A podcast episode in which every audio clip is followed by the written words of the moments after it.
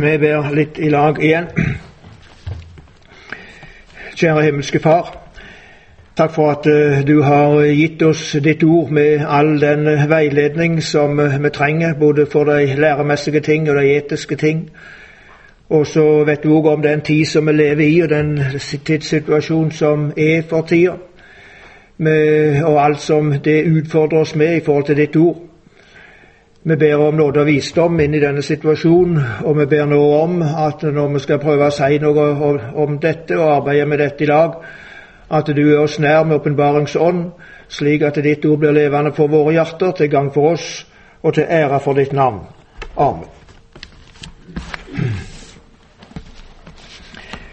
Eh, disse to eh, temaene som jeg har eh, fått om etiske utfordringer og læremessige utfordringer i vår tid. De har jo det til felles at det hører til vår tid. Eh, slik at med det så er det eh, sagt noe om en aktualisering av det. Og Samtidig så er det jo slik at en god del av denne type spørsmål glir jo egentlig over i hverandre. Slik at det etiske og det læremessige, det dogmatiske, det henger i hop i mange forskjellige ting. Eh, slik at noe av dette går over i hverandre, men det nå, har nå prøvd å fordele det noenlunde iallfall. Jeg eh, vil starte med et mer, litt mer generelt eh, utgangspunkt for det hele. Eh, og da eh, i, eh, i andre Korinterbrev, kapittel 10 og, og kapittel 11. Andre Korinterbrev, kapittel 10 Eh, og Der er det talt om dette med den kristne tenkning. Eh, og Da heter det slik i, eh, i kapittel 10 vers 4 og 5 For våpna våre er ikke kjøtelige, men mektige for Gud til å støyte ned festninger, idet vi riv ned tankebygninger og hver ei høgd som reiser seg mot kunnskapen om Gud og tek hver tanke til fange under lydnaden mot Kristus. Her er det altså talt om at det reises tankebygninger. Eh, og det gjør det til enhver tid. Eh, men disse tankebygningene som blir reist, de kan variere, og de varierer alltid med tidssituasjon og åndssituasjon. Eh, slik at Hvis vi hadde gitt et, eh, et visst historisk riss over en del ting, så ville en sett at på, det, på forskjellige områder så ville en sett ulike måter å tenke på i ulike tider i ulike kulturer. Slik er det. Eh, og Det er fordi at disse tankebygningene som her er nevnte, det er slike tankebygninger som er løsrevne ifra Gud. Og med det løs, løsrevne ifra Guds ord. Eh, og da har det ikke noe fast feste. Eh, da har det ikke noe liksom fast orienteringspunkt, eh, men da flyter disse tankene med tida, som mennesket i stor grad flyter med tida. Og Slike tankebygninger er det òg i vår tid, og de gir seg da utslag på det vis at kristen tro og, tenk, kristen tro og tenkning kommer under press. Både på det etiske området og på det læremessige området. Noen tider i historien så har jo presset vært mest på det læremessige, dogmatiske området. Slik var det jo for en eh, hundre års tid her i landet. Nå til dags er det jo voldsomt press på det etiske området. Og så er det sagt at vi skal rive ned disse tankebygninger, som er her å forstå som festninger idet vi river ned tankebygninger eh, og hver ei høgd som reiser seg mot kunnskapen om Gud. Altså disse tankebygningene som reises til tida, eh, de fungerer som tankemessige og med det åndelige festninger eh, som, som holder folk vekke ifra Gud, og med det fra Guds tanke. Og Derfor gjelder det om at disse tankebygningene blir revnet ned, og at eh, Gud og kunnskapen om Han får eh, sin posisjon og sin plass slik som det er tenkt, og slik som det bør være. Og, og Det er ikke bare dette, altså, at en skal rive ned disse tankebygningene, men positivt heter det, og tek hver tanke til fange under lydnad mot Kristus. Det er vårt mål, og det er egentlig også vårt utgangspunkt. At vår tanke blir tatt til fange i lydighet mot Kristus. Og det vil si at vår tanke blir tatt til fange i lydighet mot Guds ord, og med det forma av det Bibelen sier. Og så står det et ord i verset i kapittel 11 i det samme kapittelet, i vers 3 og 4, som er i samme gater som dette. Der sier apostelen, men jeg er redd for at liksom ormen dåra Eva med si list, såleis skal òg dykker tanker verta fordarva og vende bort fra den einfelte og reine truskapen mot Kristus. For om det kjem einkvann til dykk og forkynner en annan Jesus, en som vi ikke har forkynt, eller om det får ei anna ånd som det ikke har fått før, eller et annet evangelium som det ikke har mottatt før, da tåler det det så gjerne. Her skildrer han egentlig en nokså dramatisk situasjon der borte i Korint. De vil altså tåle, sier han, og, og med det akseptere, ta imot Eh, en forkynnelse som er av annen karakter enn den apostel har forkynt for dem.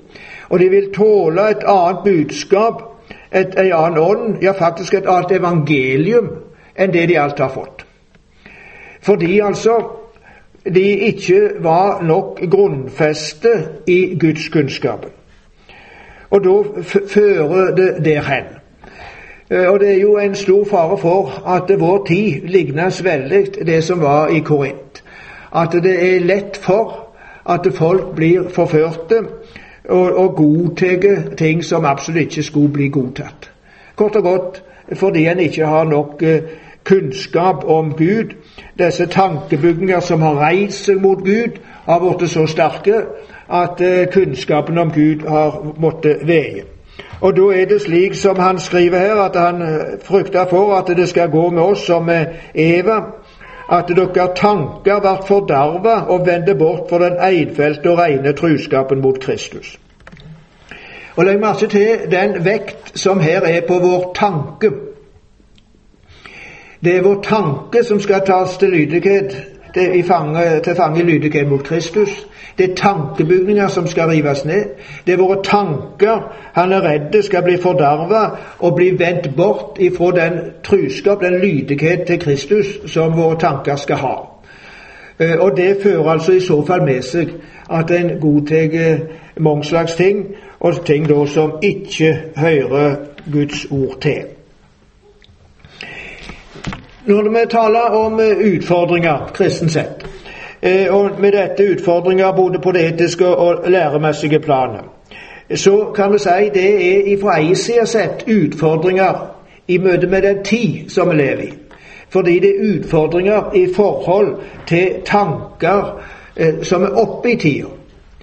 Men det er faktisk vel så mye slik at eh, dette er utfordringer i forhold til Guds ord. Altså, utfordringene er utfordringer i møte med hvordan taler Gud og Guds ord om de ting som er oppe i tida. Det blir egentlig den store utfordringen. Utfordringen i forhold til Gud og Guds ord. Og med det så må vi si noe om det, det som har med Gud og Guds ord å gjøre, altså bibelsynet. Fordi det er dette som eh, eh, som blir det avgjørende for oss. Hvordan tenker en om Bibelen? Hvordan tenker en om Bibelen som Guds ord? Hvordan tenker en om Bibelen som den, eh, at Bibelen inspirerte? Bibelens inspirasjon? Hvordan tenker en om Bibelen som åpenbaring? Hvordan tenker en om Bibelen som sannhet? Hvordan tenker en om Bibelens virkekraft? Denne type ting som jeg nå bare kan touche. Og, og det problemet for meg i, i, både denne timen og den neste er at hvert punkt jeg nå tar opp, burde jeg hatt minst én time på hvert av dem. Eh, så, så, derfor blir det bare noen få eh, tanker og stikkord knytta til dem. Eh, men vi må iallfall ha litt. Og dette som vi nå sier om bibelsynet, og det er jo like aktuelt enten det er for etiske spørsmål eller læremessige spørsmål. I, eh, i andre, andre Timoteus brev så har vi et av disse eh, mest sentrale avsnitter med tanke på bibelsynet. Der i eh, kapittel 3 og fra vers 14 av. Og Da er det altså en unge medarbeider som apostel Paulus skriver til. Og så skriver han til ham Men bli du værende i det du har lært og er overtydd om, for du veit hvem du har lært det av. Og heilt fra barndommen kjenner du de hellige skriftene, som kan gjøre deg vist til frelse ved trua på Kristus Jesus. Hele Skriftet er innandet av Gud og nyttig til lærdom, til overtyding, til rettleding, til oppseng i rettferd. Så Guds menneske kan være fullkomment dugende til all god gjerning. Timoteus er altså rett og godt opplært. Det er han nok ifra sin mor og sin bestemor. Eh, og det er han ifra, eh, ifra synagogen. Eh, og det er han ifra, ifra Paulus. Og så sier han til han, blir du varende i det du er opplært i, og som du er overtydde, overbeviste om. Og her er, legger vekt på dette. Det er snakk om en overbevisning, en overtyding. Og det er det ofte talt om i Bibelen. Og det var talt om òg her at Guds ord hadde den virkning at det er til overtyding. Vi lever i en tid der det er lite av overtyding, overbevisning. Der veldig mye flyter, og der det egentlig er et ideal at ting skal være flytende. Og ting er under konstant forandring. Mens i Bibelen er det et ideal at vi har en overbevisning, en overtyding, som, som eh, bestemmer vår karakter, og som eh, blir styrende for vår tenkning og for vårt liv. Slik er det etter, etter, etter Guds ord. Og dette blir han da formant til å bli varende i. Og det er fordi at denne overbevisning som han har, den har han helt tydelig henta ut ifra Guds ord. Og denne, dette Guds ord, om det blir det sagt, at det helt fra barndommen kjenner du de hellige skriftene. Eh, og med det så viser det oss jo her primært til Det gamle testamentet. For det var de skriftene Timoteus kjente fra barndommen av. Det nye testamentet eksisterte ikke i hans barndom. Og, Det er litt viktig å merke seg, for at dette sier oss hvor viktig Det gamle testamentet er. Og så blir altså Det nye testamentet sett på linje med dette eh, Det gamle testamentet i åpenbaring og, og, og, pålitelighet når vi får Det nye testamentet. Så i og for seg saklig sett så kan vi si at det som her er sagt, òg gjelder Det nye testamentet. Men det er primært her sagt om det gamle. Og dette står, disse skriftene står der, de kan gjøre deg vist til frelse ved trua på Jesus Kristus, eller på Kristus Jesus. Og det er hovedsaken. Og det kommer mer tilbake i neste time. Om frelsesspørsmålet. Det er det første som blir sagt. Disse skriftene gir vis til frelse. Og det er på en bestemt måte ved trua på Jesus Kristus. Og så heter det om disse skriftene at de er innånda av Gud. Og dette ordet for innånda, det er det som vi har i dette litt fremmedordet 'inspirert'. De hellige skriftene er inspirert, sier vi, av Gud. Og Dette betyr at disse skriftene de består av ord som er gått ut ifra Guds munn, dvs. Si er talt av Gud. Og så består de av ord som Guds ånd har gått inn i. Guds ånde, Guds pust, Den hellige ånd, har gått inn i de ord som er gått ut ifra Guds munn. Det er inspirasjon. Og Derfor er disse, disse ord sanne og sikre fordi de er utgått ifra Guds munn, og, og Gud taler sannhet. Og Derfor er disse ord òg virksomme og virkekraftige fordi de er bærer av Guds ånd. Og Derfor heter det er de nyttige til lærdom, til overtyding, til rettleding, til oppsing i rettferd, så Guds menneske kan være fullkomme, dugende til all god gjerning. Vi står overfor en kjempeutfordring i vår tid å holde fast på denne forståelse av Bibel, av Guds ord. Så hopper vi òg, med tanke på akkurat dette, innom eh, andre, første Korinterbrev i det andre kapitlet. kapittelet. Eh, der heter det i vers 9 i, i første kor 2 Men som skrevet står Det auga ikke så, og det øyra ikke hørte, og det som ikke kom opp i noe menneskehjerte, det har Gud etla åt de som elsker Han. Her tales det altså om evangeliet. Her tales det om det Gud vil gi oss. Om alle disse ting sies det at det stammer ikke fra mennesket. Det har ikke altså kommet opp det, det, er noe som vårt øye, vårt fysiske øye, ikke kan se. Altså Det hører ikke til den fysiske verden slik sett. Det er noe som uh, vårt øre ikke hørte. Altså det, det, er ikke noe som ligger til den menneskelige tale. Og det har ikke kommet opp i noe menneskehjerte. Det er ikke noe som er uttenkt av mennesket, eller som på noe sett og vis stammer fra mennesket. Dette som Gud vil gi. Og Da kan det jo virke som at det her er en fortvilte situasjon fordi at Gud vil gi oss noe, og så, og så kan vi verken se det eller høre det eller tenke oss fram til det. Men så heter det Men oss har Gud åpenbara det ved sin ande. For anden gransker alle ting, også djupnene i Gud. Og det heter når dette så som blir fått åpenbart, blir forkynt, og dette forkynner vi ikke med ord som menneskelig visdom har lært oss, men med ord vi har lært av Anden. Vi tolker åndelige ting med åndelige ord. Åpenbaring, det er altså dette at vi får en kunnskap ifra Gud som mennesket ikke er i stand til å tenke seg fram til eller finne fram til på egen hånd. Vi får en kunnskap ifra Gud som ikke stammer ifra denne verden, men som altså stammer ifra himmelen. Det er åpenbaring. Og denne type åpenbaring finner vi bare i, i Bibelen, i Guds ord. Og det er det som gjør eh, Bibelen til Guds ord, egentlig. At det er åpenbaring.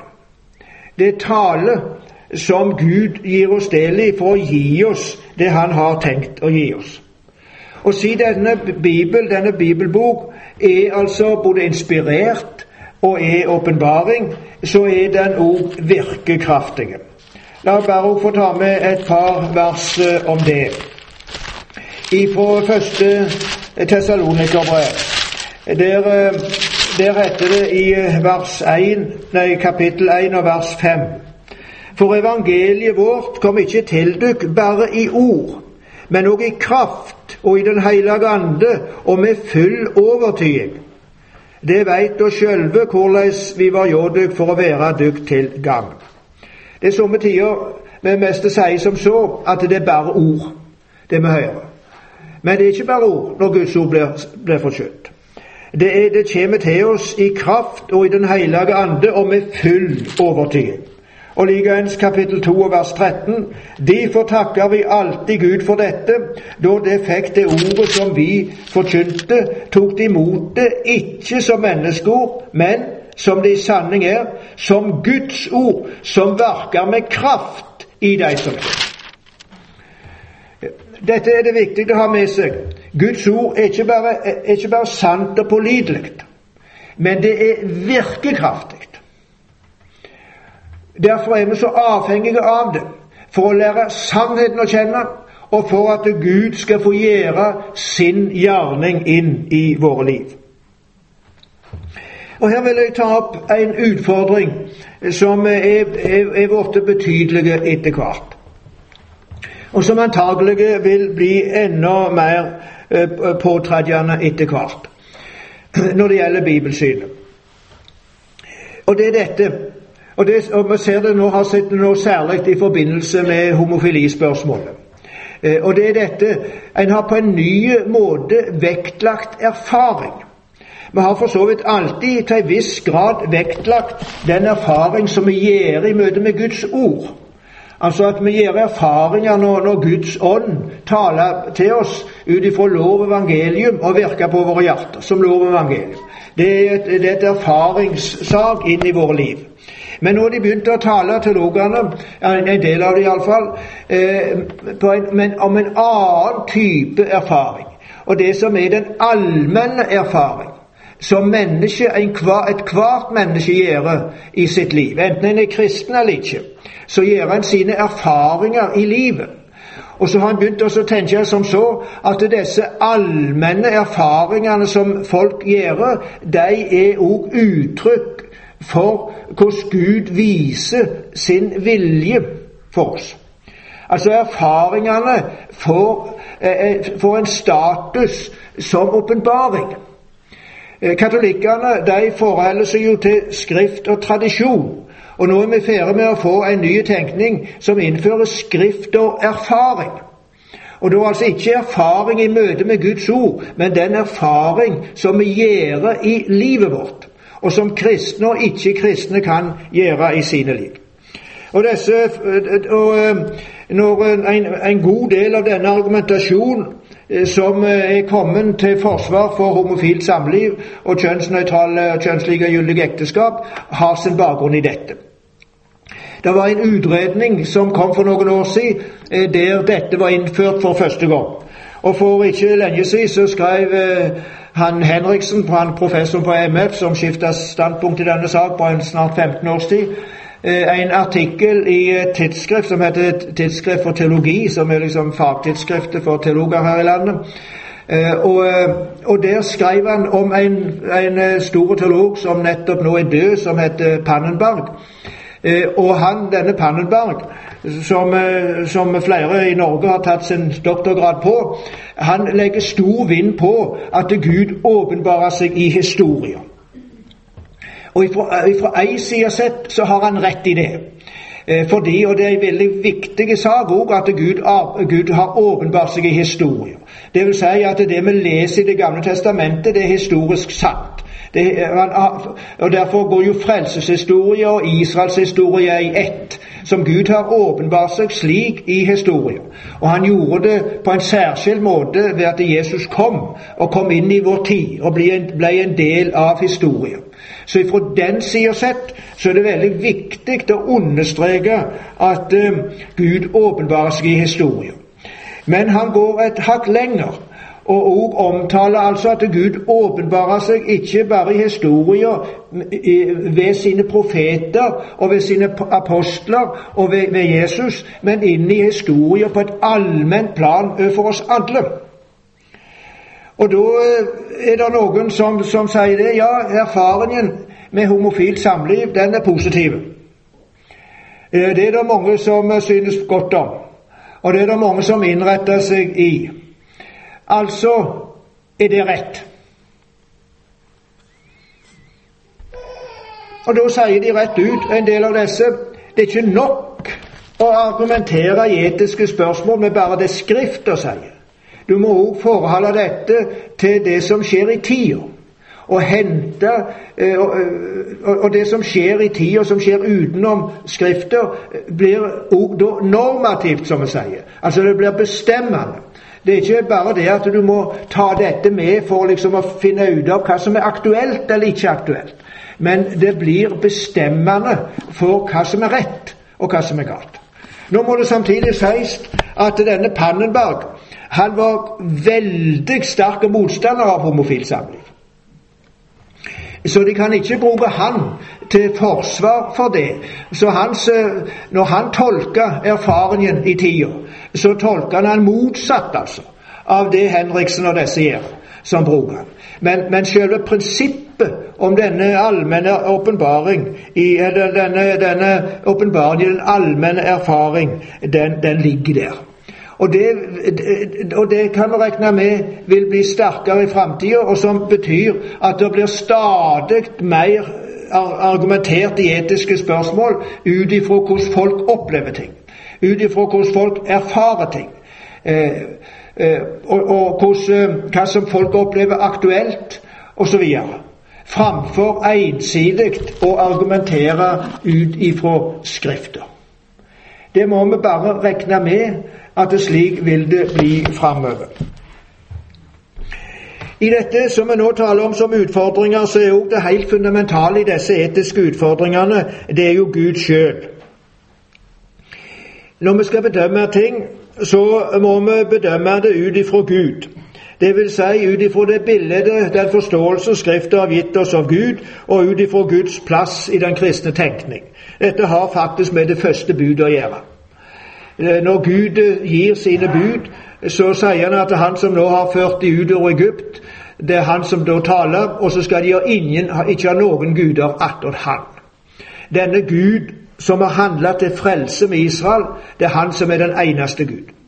Og så heter det når han gir sin eh, opplæringslov og for så vidt sin eh, grunnlov til Israel, så sier han at jeg, jeg er Gud, jeg er Herren, og jeg er én. Og denne, denne, får da en, en, posisjon, denne Gud, som preger og skal styre vår verditenkning og vår orientering. Som menneske og som samfunn. Der Gud altså er utgangspunktet, og der Gud etter sitt vesen er utgangspunktet. Problemet er jo at nå er Gud stort sett avsatt i folk liv. Og han er avsatt i samfunnet. Og så har du sett inn ei evolusjonslære i stedet som opererer med at alt er blitt til på slump, tilfeldig, og alt utvikler seg på tilfeldig vis. Det er ingen styrende Gud i noe som helst. Det har ikke sitt opphav i Gud, og det er ikke Gud som styrer. Da får du en helt annen verditenkning og en helt annen orientering i alt som har med, med, med menneskelivet og med, med samfunnet å gjøre. Og det har dramatiske konsekvenser for, fordi at du da altså styrer og tenker ut ifra ei, ei, ei lære, ei utviklingslære, som sier at alle ting er blitt til rent på slump. Helt tilfeldig. Alt utvikler seg helt tilfeldig. Og i den grad det måtte være et styrende prinsipp, så er det den sterkeste sin rett. Og ingenting av dette har noe mål eller mening. Alt er målløst og meningsløst i utgangspunktet. Eh, og da må mennesket finne sitt, eh, sin verdi og sin mening sjøl på et eller annet vis. Og ikke ut ifra Gud, og ikke ut ifra dette at Gud har skapt oss i sitt bilde for at vi skal høre Han til og tjene Han. Det blir en, en radikalt forskjellig tenkning, og det får store etiske konsekvenser. Og Mye av dette ligger helt sikkert til grunn både for det som, som har med, med, denne kjønnsnøytrale ekteskapstenkningen å gjøre, fordi det er ikke noe fast punkt for det, men det er i utvikling. Og når det utvikler seg derhen at folk synes det er greit med homofile forhold, og altså er det greit. Eh, og så ligger den samme tenkningen i basis for alt som har med abortspørsmålet, livsrett og menneskeverd å gjøre, eh, som òg oppløser det som ligger i dette var skapt i Guds bilde.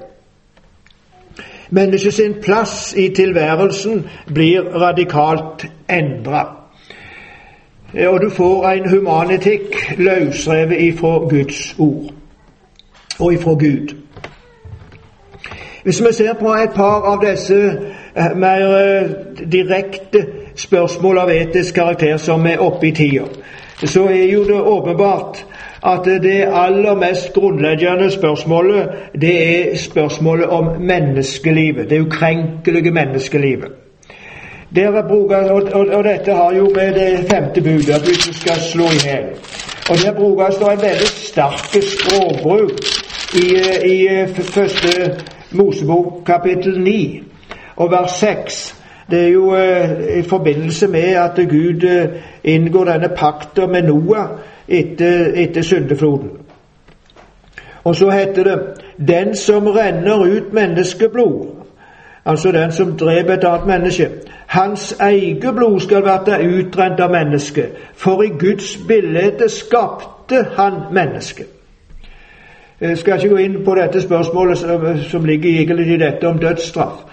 Eh, men det som er poenget å få fram nå, er at mennesket og mennesket sitt liv skal ikke krenkes fordi mennesket er skapt i Guds bilde.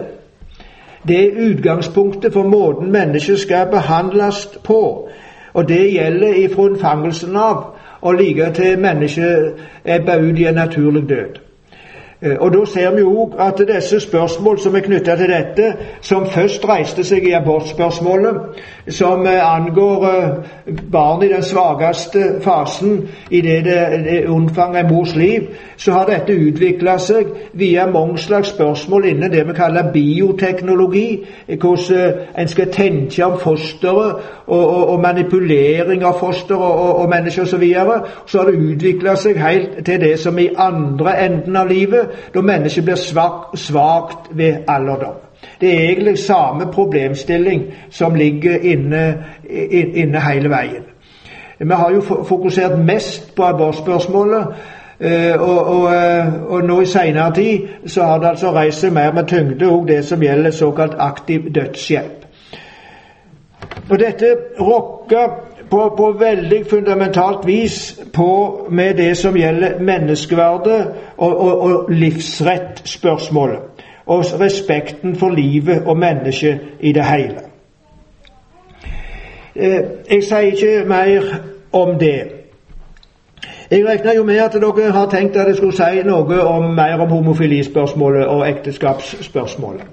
Eh, og det skal jeg eh, gjøre. For det er jo det som nå står på dagsorden til de grader i, i, samfunnet. Altså Abortspørsmålet står jo i og for seg like sterkt på dagsorden, men det er ikke opp, slik oppe til debatt for tida. En har faktisk mer eller mindre gitt opp den kampen. Det bør vi jo aldri gjøre, eller kan vi aldri gjøre. Eh, men i samfunnet generelt er jo det en, en, en kamp som er lite framme. Selv om det dukker opp ved, ved, ved Eh, visse mellomrom, og da har det jo dukket opp i forbindelse med dette med tvillinger, om du kunne da abortere én, ta livet av én av tvillingene, om det var rett eller ikke, og la den andre leve.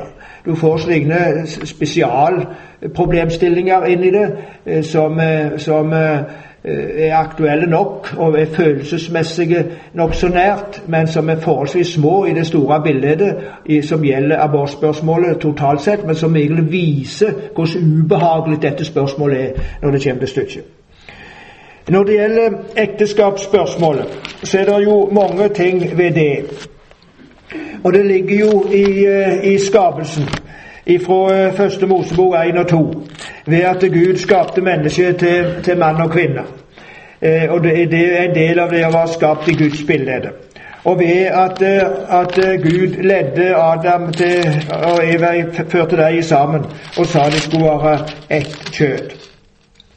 Dette det tar Jesus opp, vet dere, i Markusevangeliet i kapittel 10. Og nå bruker vi bare det som utgangspunkt, uten å kunne gå dypt inn i det, men vi leser noen vers der. I eh, kapittel 10, altså i Markusevangeliet, fra vers 2, heter det eh, Det kom da noen fariseere til han, og for å freiste han, spurte de han har en mann lov til å skilje seg fra kona si. Det er liksom utgangspunktet, skilsmissespørsmålet. Han svarer sa til dem, hva har Moses sagt til dere? De sa Moses tillot å skrive ut skilsmålsbrev og skilje seg fra henne. Men Jesus sa til dem, fordi de har så hardt et hjerte, skrev Moses dette både for dere. Men da alt var til i opphavet, gjorde Gud det til mann og kvinne. Derfor skal mannen forlate far sin og mor si og holde seg til kona si, og de to skal være ett kjød. Så er, de da ikke lenger, er da ikke lenger to, men ett kjød. Derfor, det som Gud har knytt sammen, det skal ikke et menneske skilje. Skal ikke gå inn på dette i, i, i detaljer, naturligvis. Eh, men legg merke til hvordan Jesus tar sitt utgangspunkt for å forklare det hele. Men da alt var til i opphavet, gjorde Gud deg til mann og kvinne. Det er utgangspunktet. Og så skulle da mann forlate far sin og mor si og holde seg til kona si. Det vil si, det skulle et oppråd ifra det som en var i sin heim, og så skulle en flytte sammen eh, inn, inn, i ekteskapet og være ett kjød. Det er utgangspunktet. Og så taler Skrifta ellers om at vi så skal vinne oss vår ektemage i, i, i, i gudsfrykt og med ære.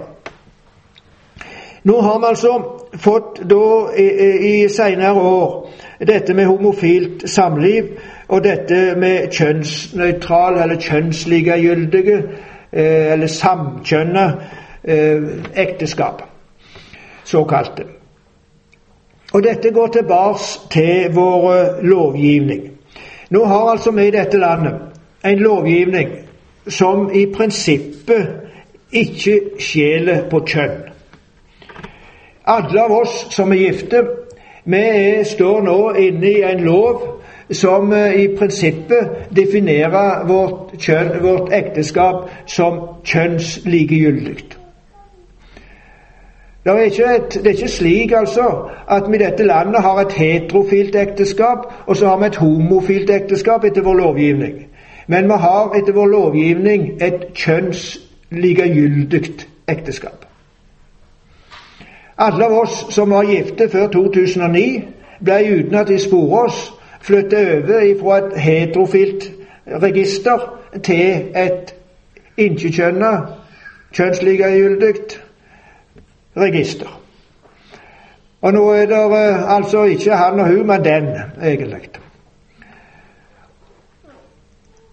Og den som gifter seg nå, når han gifter seg i samsvar med norsk lov, og vi har ikke noen annen mulighet så gifter han seg ikke Om en er mann og kone, altså en av hvert kjønn, så gifter han seg per definisjon etter, etter loven ikke eh, som mann og kvinne, men han gifter seg eh, uavhengig av hva kjønn en måtte ha. Noe annet er ikke mulig, for norsk lov er slik. Eh, noen av oss prøvde oss jo, når vi fikk den nye loven, å skrive inn til departementet og si at vi ville ikke stå i den der loven der. Eh, og ville bare stå i den gamle loven, men ville fortsatt være definerte heterofilt og ikke kjønnslikegyldig. Og Da fikk vi bare et høflig svar tilbake at ekteskapet vårt var gyldig fortsatt. Akkurat som vi var kommet i stuss om det. Det er altså ingen mulighet til noe annet. Det eneste muligheten som er til ikke å være kjønnsnøytrale, eller kjønnslikegyldige, det er å være, eh, være homofil og stå i partnerskapsloven. Der er det, der er det, det uh, samkjønna bare det.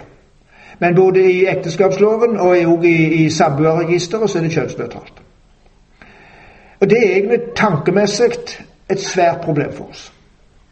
Og jeg, jeg syns det er et samvittighetsproblem å stå i, i, i den sammenheng. Men vi har ikke alternativ, altså. Staten har påført oss den situasjonen. Og så er det nå denne store kampen står i, i kirka om å innføre en, en, en vigselsordning eh, som på et eller annet vis svarer til den lov vi har. Og Det de eneste de diskuterer nå, egentlig, det er om du da skal følge loven helt ut ved å ha én liturgi som er kjønnsnøytral, kjønnslikegyldig. Eller om du skal ha to typer liturgier. En som er heterofile, en som er homofile. Eh, for, og, og, som begge liksom kan med, det går tilbake til den samme lov. I praksis så betyr jo det der eh, svært lite. Eh, men, og, og, disse som vil ha én liturgi, er jo det mest konsekvente, både ut ifra sin tenkning og ut ifra den lov vi har. Men de som da vil vigsle veldig bevisst eh, heterofilt, de eh, vil jo ha det enklere om du har en klart heterofil liturgi, så du slipper å forholde seg til den problemstillingen i selve vigselsituasjonen. Og nå vet vi hvordan Guds ord taler om det. Og jeg trenger ikke bruke mange ord på å skildre det i og for seg. Eh, det er jo talt om dette at når, når mennesket ga avkall på Gud slik som Han har skapt oss Romerbrevet 1 taler om dette. Når en forkasta skaperen, så overga Gud oss som samfunn og som kultur til oss sjøl Og det fører, fører bl.a. til disse, at, at det, det, som går på kjønn, blir forkvakla. Og så får du den type lovgivning som vi nå har fått. Og så er jo Skrifta vet vi, veldig tydelige på at eh, de som lever slik, ikke skal arve Guds rike. Så er det òg et spørsmål som er reist om dette egentlig rokker ved evangeliet eller ikke. Om dette er et slik en type etisk spørsmål som, eh, som eh, ikke har noe videre betydning med tanke på frelsen eller med, i forhold til evangeliet. Det er jo det de diskuterer når de diskuterer om dette er kirkesplittende eller ikke. Og Da står det et, vers, et to vers i første brevet til Timoteus i kapittel 1 og vers 9 og 10. En må vite dette, at lova ikke er gjeven for den rettferdige, men for lovløse og ulydige, ugudelige og syndere, vanhellige og ureine, fadermordere og mordermordere, drapsmenn, horkarer, menn som ligger med menn. Iblant nevnt opp her, altså homofile. Menn som ligger med menn. Menneskerøvere, lygnere, de som gir rang eid, og hva det ellers kan være, som strir imot den sunne lære etter evangeliet om Guds sele herligdom, det som har blitt tiltrudd meg.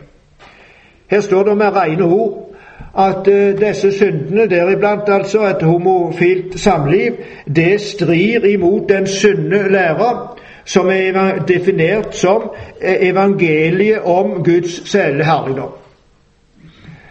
Så at dette står i forhold til evangeliet, kan det etter Guds ord ikke være det minste tvil om. Det er mange problemstillinger knytt til, til, til, til dette. Eh, og en av problemstillingene er at dette er egentlig ikke bare en lovgivning vi har fått, men det er en ideologi som ligger i samfunnet, og som ligger der med voldsom kraft, eh, og som er mye større enn selve problemet homofile er. For det, det, det er veldig få, 1-2% kanskje, som, som denne, denne, disse samkjønna forhold er aktuelle for. Det, den er jo litt uenige, men, men, men, generelt så er det antagelig maks 2% av folket som, som dette dreier seg om.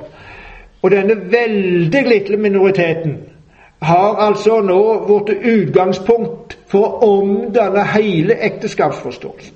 Omdanne eh, eh, norsk lovgivning med tanke på ekteskapet. Og er nå i ferde med å omdanne Den norske kirke sin tenkning om ekteskapet. Og omdanne liturgien, altså det læremessige i dette. Og, og skape en voldsom splittelse inn i Den norske kirke og inn i kristenfolket i det hele veld, hensynet til en veldig liten minoritet. Og, og, normalt så ville det absolutt ikke kunne skje. Det er bare én grunn til at dette skjer, og det er at dette ikke bare er en, en, en lovgivning som gjelder noen, men det er en ideologi som ligger her. Som etter mine begreper har sitt utgangspunkt i, i, dette som ligger i denne nye tenkningen ut ifra evolusjonslærer og ut ifra den humanetiske tenkning, eh, og, og, alt dette at det er løst ifra Guds, Guds ord, og som Romerbrevet 1 sier, at der, der mennesket uh, sier takk og farvel til Gud, der overgir Gud oss og mennesket til, til sine egne lyster som ei, ei, ei, ei kraft som virker negativt. Og Derfor vil dette slå seg ut stadig mer. Og Det neste det antagelig vil slå seg ut i, det er i norsk skole. Fordi i norsk skole skal en naturligvis undervise om, forklare og informere om de forskjellige lover vi har.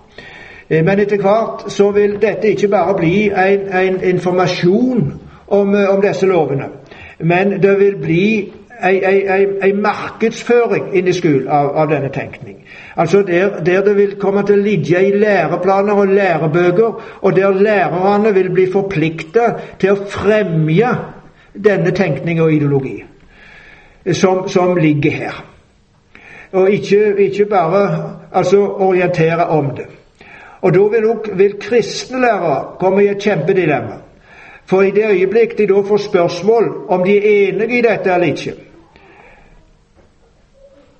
av Elevene spør, eller foreldre spør, eller spørsmål kommer opp, og de sier nei, dette, dette kan ikke vi være enig i, så har de et problem som lærer.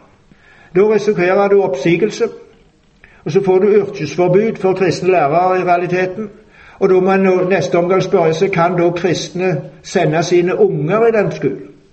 Her står, vil vi stå etter hvert overfor et kjempeproblem fordi det ligger slik ideologisk kraft i samfunnet i disse spørsmål. For oss på det praktiske plan så har jo det som gjelder samboerskap, og det som gjelder skilsmisse og gjengifte, eh, en mye større relevans. Altså det, Hvis du ser på, på, på, på hvor fundamentalt ting er, så er det homofilispørsmålet som er det viktigste. Men hvis vi ser på omfanget av det, så er det klart det som presser på i forhold til våre kristne sammenhenger, det er primært samboerskap, og det er skilsmisse og gjengifte. Det er den største utfordring for oss på slik sett på um, det som har med ekteskapsspørsmål å gjøre. Nå er jo tida øyeblikkelig godt, du er vel egentlig godt, men jeg nevner til sist eh, ganske kort et par ting. Det som i praksis er òg en minst like stor utfordring for oss på det etiske plan, det er materialismen. Skrifta taler om Guds frykt med nøysomhet. Og at, at dette med, med, med, med, lyst, kjærlighet til penger, er rot til det som er vondt og galt. Bibelen taler bruker ikke ordet materialisme, men han bruker ordet havesyke. Vi lever i en kultur som er enormt preget av materialisme. Og der vi er enormt rike når vi ser det globalt. Vi liker jo helst bare å sammenligne oss med naboen. Og I lønnsforhandlinger så sammenligner en seg alltid med de som har mindre enn en sjøl, for å få noe mer. Og materialisme ligger i dette at en alltid vil ha litt mer. Du sammenligner med den som har mer? Ja, eh, mer, uh, Unnskyld. Med de som har mer. Uh, altså Du regner deg sjøl og har mindre, og sammenligner deg med de som har mer. Korrekt. Det var det jeg mente å si. Eh, og, med det så vil en alltid dra mer til seg. Det er jo ingen eller Det er sjelden vi driver og sammenligner oss med, med, med de i den tredje verden. Og Nå sier Skriften noen veldig vanskelige ord om dette. Det spørres i Johannes, Johannes spør i sitt uh, første brev om at, at når, vi, når, vi, har noe å gi, og så ser at folk har nød, og vi så ikke gir, men leder igjen vårt hjerte, hvordan kan da Guds kjærlighet være i oss? Og når vi da ser hva rikdom vi har, og hva nød der er ute i den store verden, så er dette for meg iallfall dette ordet som står i 1. Johannes 3, 16-18, et av de vanskeligste vers i Skrifta. For jeg har så mye ikke noe sammenligna med, med, med de milliardærene her i landet. Men å sammenligne meg internasjonalt, globalt, så har jeg kolossalt. Og så får vi forskjellige typer argumentasjon der vi, der vi da fører oss sjøl inn i en forbrukerkultur eh, som i neste omgang òg bare forsterker fattigdommen i andre, i andre verdensdeler og dermed føre oss inn i en forbrukerkultur som egentlig er den som skaper problem for hele skaperverket, med klimautfordringer og alle disse ting.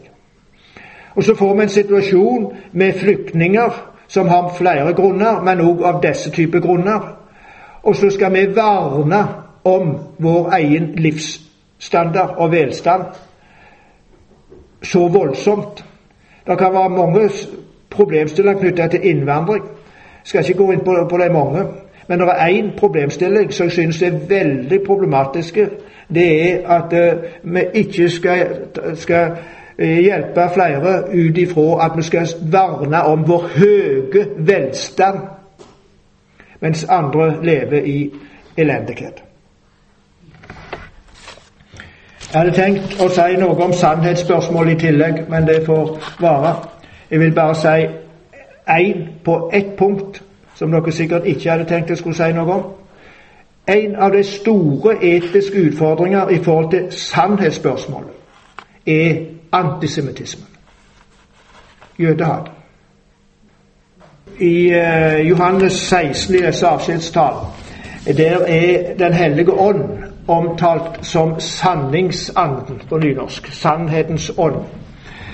Eh, dette, eh, og Den hellige ånd er det altså som eh, er den som formidler åpenbaringen til oss.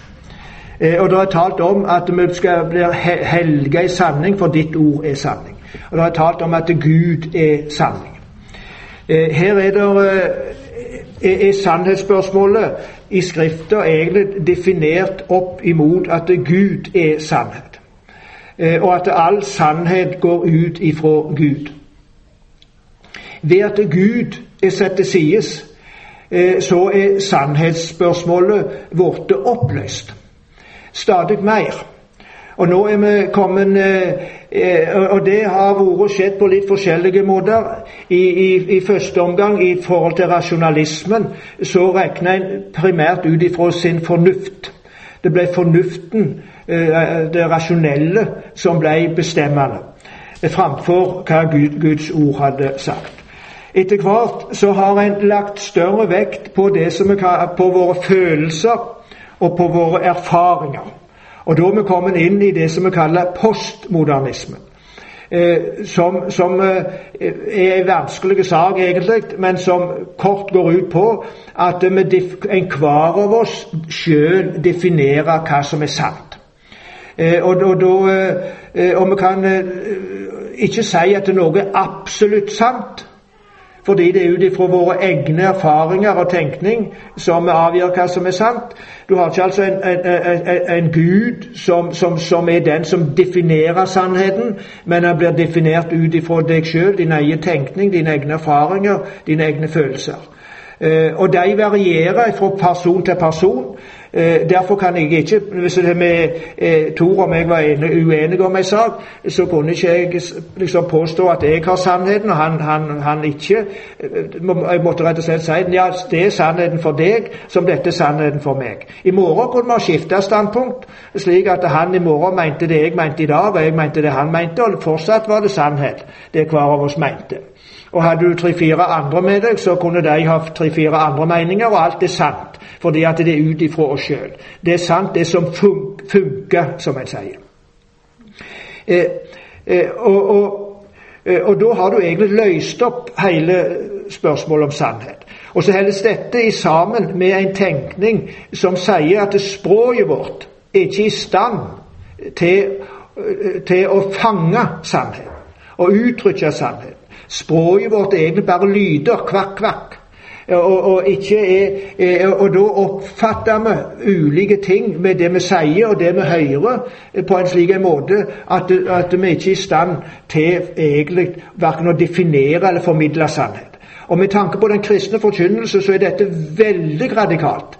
Fordi at da, da, da, For det ene er det ingen fast sannhet om, er, om de ti bud, om loven. Det er ingen fast sannhet om evangeliet. Og om det skulle ha vært det, så hadde vi ikke hatt et språk til å formidle det. Og med det så hele forkynnelsen av lov og evangelium under, under groven. Eh, når det var dette med antisemittismen, så tenkte jeg det egentlig mest opp imot eh, hvordan vi da snakker om, eh, om jøder, og antisemittismen er en løgn om jødene.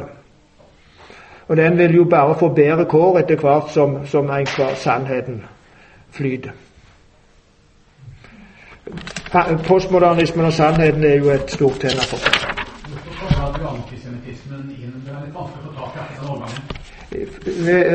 For jeg hadde tenkt å si mer rundt det der.